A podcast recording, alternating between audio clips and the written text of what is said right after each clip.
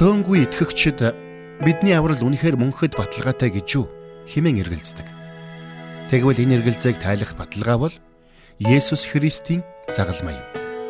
Учир нь Христийн загалмаагаар дамжуулаад бид төгс уучлалыг хүлээж авсан. Есүс Христийн загалмайн үхэл бидний бүх гим нүглийн асуудлыг бүрэн шийдэж бидэнд мөн хамийн баталгааг өгсөн юм. Магадгүй та дотроо бидний аврал мөнхөд баталгаатай гэдэгт итгэж амьдрах нь тийм чухал гэж юу? Химэн гайхаж байж болох юм. Тэгвэл бидний аврал мөнхөд баталгаатай гэдэгт итгэж амьдрах нь бидний амьдралд хандах хандлагад хэрхэн хүчтэйгээр нөлөөлдөг болохыг өнөөдөр доктор Стенли бидэнд тайлбарлаж өгөх болно. Ингээд хамтдаа авралын мөнхийн баталгаа бидний амьдралын хамгийн чухал зүйл гэсэн сэдвээр суралцгаая.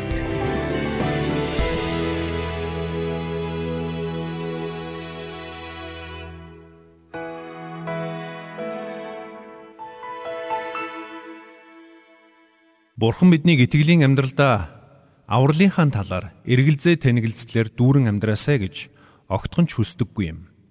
Харин ч бидний аврал мөнхийн мөнхөд баталгаатай гэдэгт бүрэн дүүрэн итгэлтэй яваасай гэж хүсдэг. Учир нь Библийн дагуу үзвэл авралыг авна гэдэг нь мөнхийн үхлээс гэтлэгдэж мөнхийн амийг хүлээж авна гэсэн үг юм. Харин Есүс Христэд итгэж түүнийг аврагчаа болгон хүлээн авсан тэр мөчөд бид энэхүү авралыг хүлээж авдаг юм. Тэгвэл Библиэд хэлэхдээ бидний энэхүү аврал мөнхийн мөнхөд баталгаатай гэдгийг маш тодорхой батлан хэлсэн байдаг. Өөрөөр хэлбэл бид Бурханаас авралыг хүлээж аваад зогсохгүй. Энэ авралаа хизээж алдахгүй гэсэн үг юм.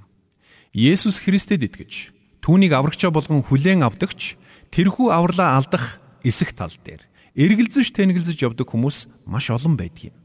Тэр тусмаа Христэд итгэсэн хүн хэрнээ ямар нэгэн шалтгаанаар авралаа алдах боломжтой гэж итгэдэг хүн цөөнгүй бий. Магадгүй та дотроо бид авралаа алдах боломжтой эсэх нь тийм ч чухал асуудал мөн гэж юу гэж бодож үйж болох юм. Угтаа бол энэ асуудал харин ч бидний итгэлийн амьдралд амин чухал асуудлын нэг юм. Тэгвэл авралын мөнхийн баталгаа гэж чухам яг юу хэлж байгаа юм бэ? Энэ бол Бурханаас авралыг хүлээн авсан хүн тэрхүү авралаа алдахгүй бөгөөд мөнхөд хадгалах болно гэсэн баталгаа юм. За тэгэхээр бүгд энэ цагт 1-р Иохан номын 5 дугаар бүлгийг гаргаад харъя. Илч Иохан энд бидний авралын мөнхийн баталгаатай холбоотой маш чухал зүйлсийг өгүүлэн хэлсэн байна. Иохан энэ загтла Христэд итгэвч хүмүүст хандан бичсэн юм.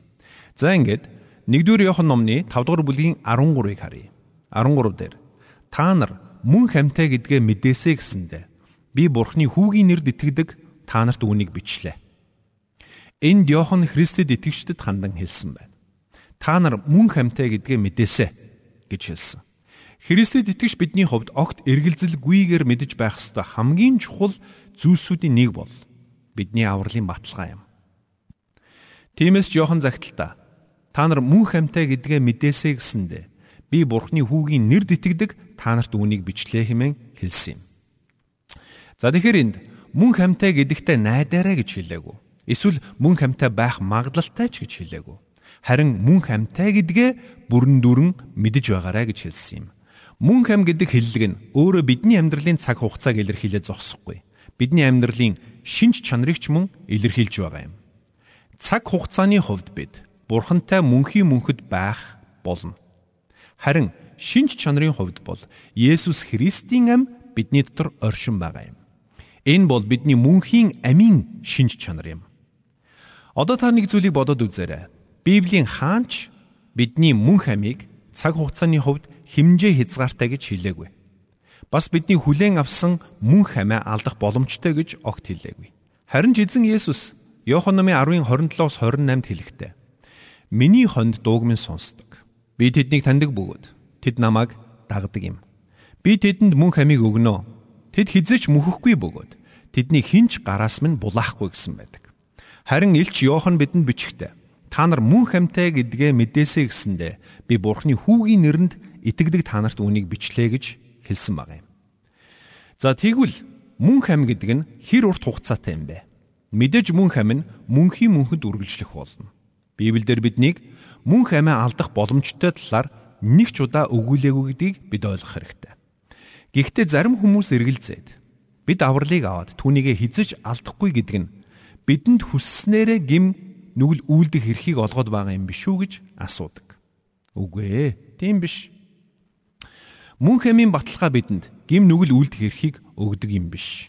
Бид мөн хамийг авчихсан юм чинь гээд дураараа дүргэж явна гэсэн үг биш. Хэрвээ та бурхны нэгүслэр аврагдсан бөгөөд энэ авралаа хизэж алдахгүй гэдгээ мэдэж байгаа бол та гараад дураараа гим нүгэл үлдэж амьдрахаас илүүгээр бурхандаа магтаал талархлыг өргөх болно гэдэгт би үнэхээр итгэлтэй байна. Тиймээс авралаа хизээж алдахгүй гэдгээ мэдлээгээд энэ нь итгэж хүн дураараа гэм нүгэл үйлдэн амьдрах шалтгаан болохгүй гэдэгт та итгэлтэй байж болно. Учир нь бидний хүлээн авсан мөн хамын шин чанартай холбоотой юм. Бидний дотор Бурхны ариун сүнс оршиж байгаа учраас ариун сүнс биднийг дуулуургүй зөрүүд байдал руу бус харин Бурхны хүслийг дагах дуулууртай байдал руу хөтлөн дагуулдаг юм. Тэгвэл Еврей номд бичигдсэн анхааруулгуудыг юу гэж ойлгох вэ? гэж зарим хүмүүс асуудаг. Энэ талаар бид дараа нь дэлгэрэнгүй авч үзэх болно. Мөн Ами номоос нэр нь арчигдах тухай Библиэд бичигдсэн байдаг шүү дээ гэж зарим хүмүүс асуудаг. Энэ талаар ч бид дараа нь жижигтэй ярилцах болно. За зарим хүмүүс мөн Христэд итгэгчид авралаа алдахгүй гэдэг нь тэд өөрсдийн аливаа үйлдэлийнхээ үүрэг хариуцлагыг огт хүлээхгүй гэсэн үг гэж ойлгодог. Тэгвэл тийм биш болохыг Библи бидэнд тодорхойлсон байдаг. Библиэд ариун сүнсээр дүүрэн байж Бурхныг дуулууртаа дагаж амьдрах тухай болон Бурхан хайртай хүүхдүүдэд мөн сахилгажуулдаг тухайч бичсэн байдаг юм. Харин эсвэргээрээ Христэд итгэгчид авралаа алдахгүй учраас юу хүснээ үйлдэж болно. Бурхныг биш, өөрийнхөө хүслийн дагуу амьдрч болно гэж Библийн хаач бичигдээгүй шүү. Мэдээж дээрх бүх асуултууд яагаад урган гарч ирж байгааг би маш сайн ойлгож байна. Гэхдээ бид зүгээр л нэг зүйлийг ойлгох хэрэгтэй. Бид авралаа хизээч алдахгүй гэдэг нь бидний хүснээрээ гимнүглүүлдэн амьдрах шалтгаан болохгүй гэдгийг л бид ойлгох хэрэгтэй. Библийн Галат номыг гаргаад харъя. 6-гийн 7-ыг харах юм бол бүү мэхлэгд бурхан элэг дог болохгүй. Юу гэвэл хүн юу тарснаа л хурааж авдаг юмаа гэсэн үг байдаг юм. Тиймээс Христэд итгэгчид бид авралаа алдахгүй гэдэг нь биднийг бүх үүрэг хариуцлагаас чөлөөлсөн хэрэг биш гэдгийг сайтар ойлгох хэрэгтэй.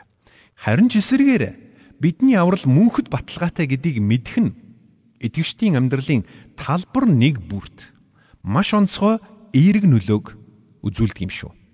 Энэ тухайч мөн бид дараа дэлгэрэнгүй ярилцах болно.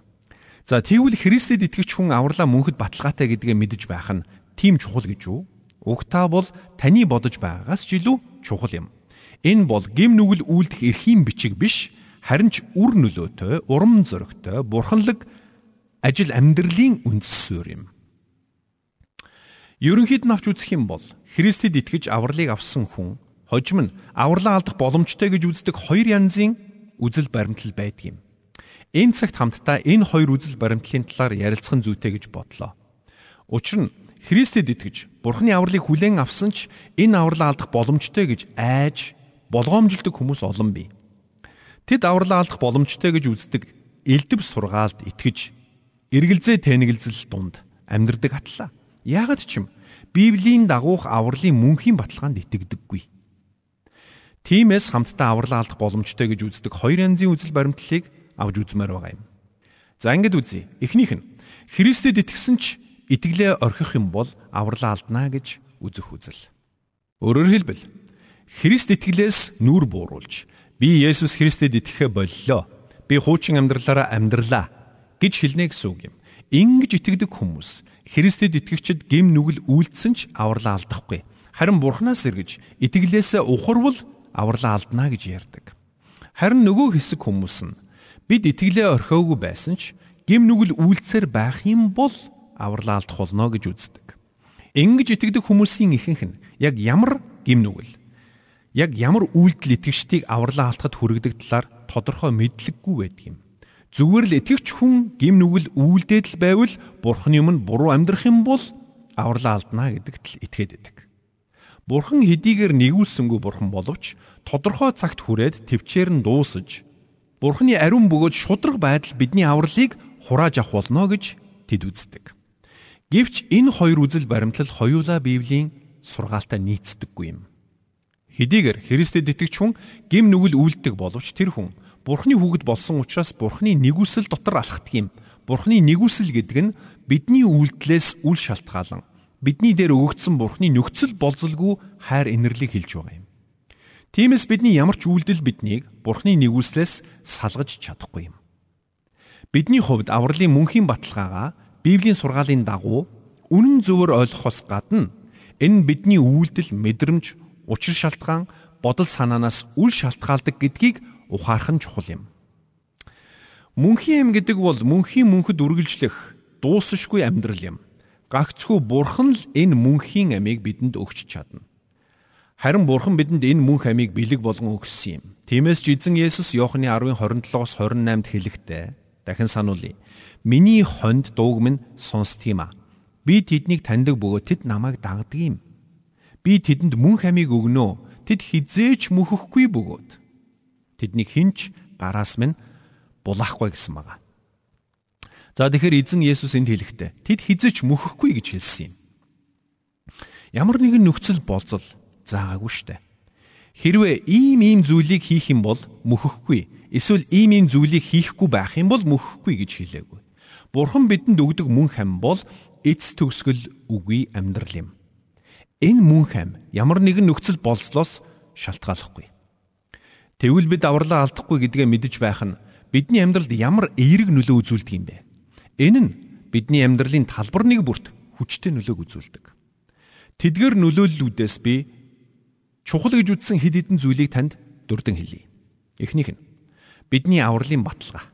Хэрвээ бидний аврал Есүс Христийн загалмайн үйлсээс гадна өөр ямар нэгэн зүйлээс шалтгаалдаг байсан юм бол бидний хинэн ч авралыг авсан гэдэгтээ бүрэн итгэлтэй байж чадахгүй байх байсан.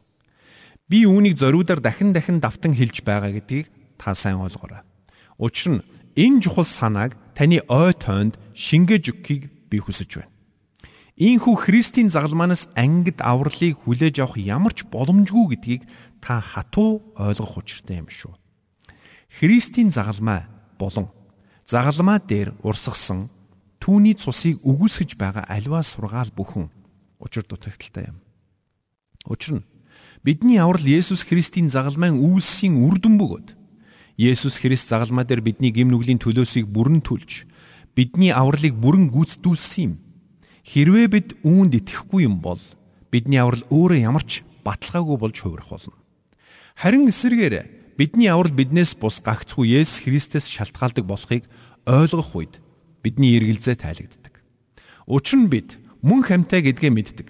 1-р Иохны 5:13 дээр хэлэхдээ та нар мөн хамтай гэдгээ мэдээсэй гэсэндэ би Бурхны хүүгийн нэрд итгэдэг та нарт үүнийг битсэн гэсэн нь жухамдаа үүнийг л өгүүлсэн юм шүү дээ.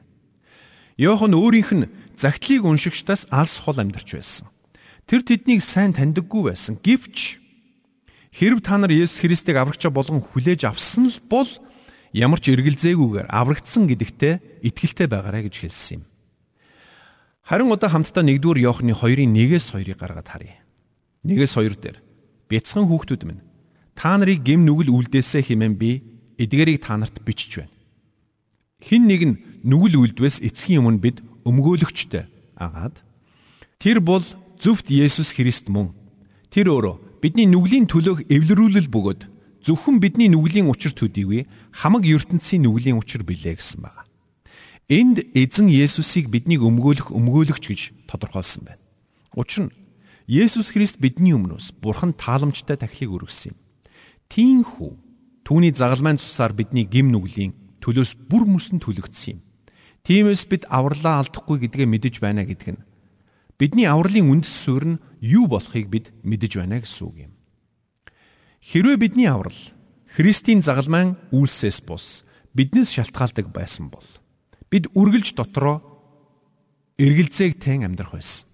Учир нь би хангалттай ихийг хийж чадсан болов би хангалттай сайн байж чадсан болов гэсэн эргэлзээ үргэлж бидний дотор байсаар байх болно. Харин Илч Иохан бидэнд хэлэхдээ та нар мөн хамтай гэдгээ мэдээсэй гэсэндээ би Бурхны хүүгийн нэрд бүрэн дүүрэн итгэдэг та нарт үүнийг бичиж байгаа юм шүү гэж хэлсэн юм. Өөрөөр хэлбэл биднийг мөн хамтай гэдгээ баттай мэддэг байх ёстойг Иохан сануулсан байна. За хоёрдугаарт бидний авралын мөнхийн баталгаа нь бид Бурхны уучлал өршөөлийг бүрэн дүүрэн хүлээж авсан гэдгийг бидэнд батлаж өгдөг юм. Есүс Христ загалмай дээр амиа өгөхдөө бидний бүх гим нүглийг бүрэн цагаатгсан юм. Библиэд энэ тухай өгүүлэхдээ 1-р Иохны 2-ын 2 дээр Тэр өөрөө бидний нүглийн төлөөх эвлэрүүлэл бөгөөд зөвхөн бидний нүглийн учир төдийгүй хамаг ертөнцийн нүглийн учир билээ гэсэн байдаг юм. Өөрөөр хэлбэл Есүс Христ тухайн үед хараахан мэдлээгүй байсан хүмүүсийн гим нүглийн төлөөсийг бүрэн төлсөн гэсэн үг.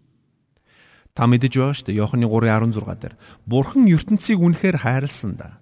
Цорын ганц хүүгээ өгсөн тул Хүүд итгэдэг бүхэн мөхөхгүй харин мөн хамтай байх олно гэсэн байдгийг бид мэднэ. Тэгвэл эзэн Есүс Христ загалмай дээр цусаа урсгаж бидний гим нүглийг цагаатгах та. Зөвхөн бидний Христэд итгэж болохоос өмнө үйлдсэн гим нүглийг цагаатгсан гэж үү? Үгүй ээ. Бидний Христэд итгэж болсон хойно үйлдэх гим нүглүүдийг ч тэр бүгдийг нь цаадахсан юм. Хэрвээ Есүс бидний өнгөрсөн одоо ирээдүйн бүх гэм нүглийг цагаатгсан юм бол бидний ямар үйлдэл биднийг авралаа алдахад хүргэнэ гэж. Учир нь бидний ирээдүйд үйлдэх гэм нүглүүдийг хүртэл Есүс цагаатгсан шүү дээ. Үнэн дээр бидний Христэд итгэж болохоосоо өмнө үйлдсэн гэм нүглүүд ч 2000 жилийн тэртет бол ирээдүйн гэм нүгэлд тооцогдно шүү дээ. Тэгэхээр 2000 жилийн тэртет Есүс Христээр дамжуулаад бүх хүн төрлөختний өнгөрсөн одоо ирээдүйн бүх гимнүглийг цагаатгсан гэсэн үг. Зарим хүмүүс үүнийг арай буруугаар ойлгож Есүс Христ бүх ертөнцийн гимнүглийн төлөө амиа өгсөн учраас эцсийн эцэст бүх хүн аврагдах болно гэж сургадаг. Тийм биш ээ. Йоханны 1:12 дээр хэлэхдээ харин өөрийг нь хүлээн авсан болгонд өөрийнх нь нэрд нь итгэгчдэд тэрээр бурхны хүүхэд болох эрхийг өглөө гэсэн байдаг. Мөн Үлс намын 16-гийн 31 дээр тэд эзэн Есүст итгэх түн чи болон гэрийнхэн ч аврагдана гэсэн байдаг юм. Есүс өөрөж бурхан ертөнцийг үнэхээр хайрласандаа бүх хүнийг аварсан гэж хэлээгүү. Харин бурхан ертөнцийг үнэхээр хайрласандаа цорын ганц хүүгээ өгсөн тул хүүд итгэдэг бүхэн мөхөхгүй харин мөн хамтай болох юмаа гэж айлтсан юм. Тэгэхээр бидний хувьд мөхөхгүй Харин мөн хамтай байх цорын ганц шалгуур бол Есүс Христэд итгэж бидний гим нүглийг бүхэлд нь уучлсан түүний уучлал өршөөлийг хүлээж авах явдал юм шүү. Хэрвээ бид аврагдсан хойно авралаа алдах боломжтой байсан бол бидний авралаа алдахад хүргэсэн тэр гим нүглийг Есүс цагаатгаагүй болж таарах уу? Мэдээж үгүй. Хэрвээ тийм байсан бол Есүс зарим гим нүглийн уучлалыг гүйцэлдүүлэлгүй дутуу өргөсөн болж таарна шүү дээ. Харин Бурхны авралаар Есүс Христ бидний өнгөрсөн одоо ирээдүй бүх гэм нүглийн төлөөсийг бүрэн дүүрэн төлсөн юм а. Тиймээс бидний аврал бидний үйлсээс хамаараагүй шиг бидний авралаа алдах эсэх нь ч мөн бидний үйлсээс хамаарахгүй гэдгийг бид хатуу ойлгох учиртай юм. Тит номын 3-ын 5-д хэлэхдээ тэр биднийг зөвхт байдлын дотор хийсэн үйлсээр минь бус харин өршөөлийнхөө дагуу шинтгэлийн угаал ба ариун сүнсний илчлэлээр аварсан юм гэсэн байдаг шүү дээ. Бид Есүс Христэд итгэх үед өөрсдийгөө гим нүгэлтэй гэдгийг хүлээн зөвшөөрч Есүс Христийг аврагч эзнээ болгон хүлээн авсан. Гэхдээ бид гимссэн учраас аврагдсан юм биш. Харин Христэд итгэсэн учраас аврагдсан гэдгээ ойлгох ёстой. Учир нь гимшил бодол санааны өөрчлөлт гэдгийг бид өмнө үзсэн. Тэр утгаараа бид Есүс Христэд итгэх үед бидний гимшил бидний итгэлтэй хамт ажилласан юм. Есүс Христийн талаарх бидний бодол санаа өөрчлөгдөж бид Христэд итгэж гим нүглийн уучлалыг хүлээж авсан. Харин гимшил бидний авралтай биш, харин бурхантай нөхөрлөх нөхөрлөлтөй илүү холбоотой юм. Бид гимснээрээ уучлалыг хүлээж авдаг юм бишээ. Харин гимшил бидэнд аль хэдийн хүлээн авсан уучлалыг ухаарч бурхантай илүү ойр дотно. Бурхны хүслийн дагуу алхахад тусалдаг юм.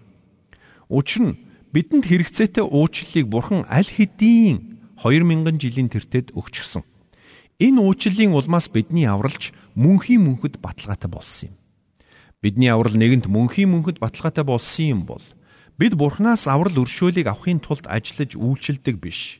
Харин түүнийг хайрлсан учраас үйлчилдэг гэсэн үг юм. Энэ нь бидэнд урам зоригтой, итгэл найдвараар дүүрэн амьдрахад тусалдаг юм. Бидний аврал мөнхийн мөнхөд баталгаатай бөгөөд бид авралаа хизээж алдахгүй гэдгийг ухаарах үед Итгэлийн амьдрал дах бидний хандлага, сэтэл хүртэл тис өөр болж хувирдаг. Тэр цагт бид авралыг авах гэж эсвэл авралаа алдах гэж хичээж ядарч яваа улс биш. Харин агуу ялалтыг байгуулсан Христийн загалмайн өмнөөс урагш зоригтойгоор давшиж буй загалмайн цэргүүд гэдгээ ухаардаг юм. Бидний хүлээн авсан аврал мөнхөд баталгаатай эсэхэд эргэлзэн амьдрах нь эцсийн дүндээ бурхны уучлал өршөөлийг ойлгох бидний ойлголтод сөргөөр нөлөөлж байдаг байна. Энэ нь эцсийн дүндээ биднийг бурханд чөлөөтэйгээр мөн ямар ч айдас түгшүүргүйгээр үйлчлэхэд саадуулдаг байна. Есүс Христ загалмай дээр амиа өгөхдөө бидний өнгөрсөн одоо ирээдүйн бүхий л гим нүглийн асуудлыг бүрэн шийдсэн.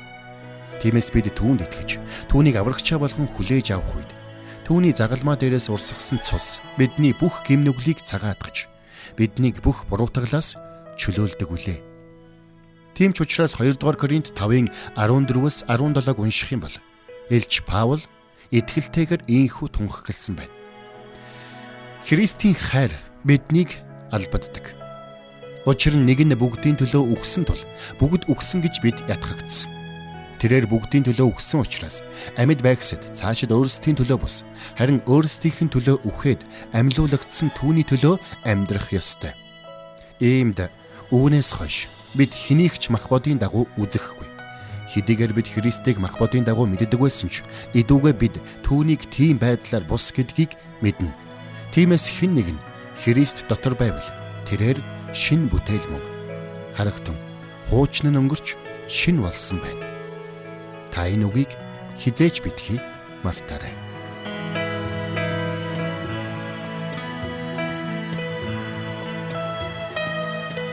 Бурханд тэмүүлсэн сэтгэл хүмүүсийг энэрх зөрхөөр амьдрахад туслах номлогч доктор Чарлз Стенлигийн хамттай нэвтрүүлэг сонсогч танд хүрэлээ нэвтрүүлгийг дахин сонсохыг хүсвэл ихтгэл радиоцик.com-оор зочлоорой. Бидэнтэй холбогдохыг хүсвэл 8085 99 тэгтэг дугаард хандаарай.